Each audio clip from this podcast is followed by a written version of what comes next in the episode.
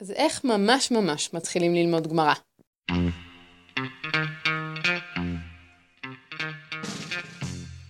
נגיד שבחרנו מסכת, אנחנו פותחים אותה, וניתקל כמובן בסוגיה הראשונה.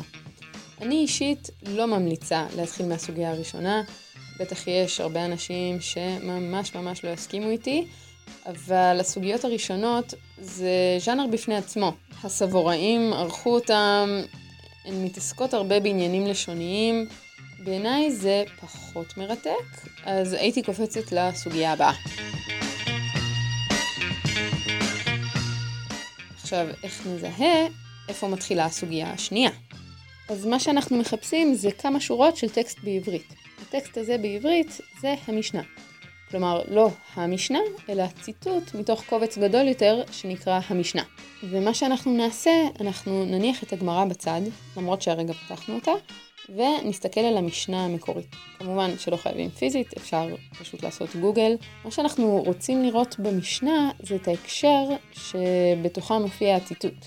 אנחנו נעבור על הפרק, נקרא אותו ממש בקלילות, זה לא צריך להיות סיפור, ואנחנו רוצים תוך כדי לשאול את כל השאלות שעולות לנו. זה יכול להיות שאלות פשוטות של הבנה, אה, של מושג, זה יכול להיות שאלות קצת יותר בכיוון של למה הם דנים בנושא הזה ולא בנושא אחר, באיזו מין מציאות הם פועלים, אולי איזו מין מציאות הם מנסים לעצב.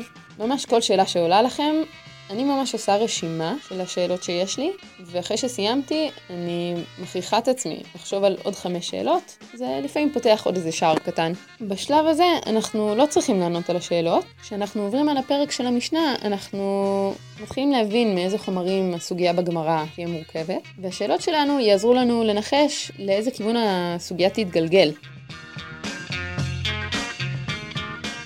אז נסכם, אנחנו מחפשים את הסוגיה שלנו, מוצאים את הציטוט בעברית, מגיעים למשנה המקורית, עוברים עליה, שואלים את כל השאלות שיש לנו, ועוד מעט עם השאלות האלה אנחנו כבר ניגש לגמרא.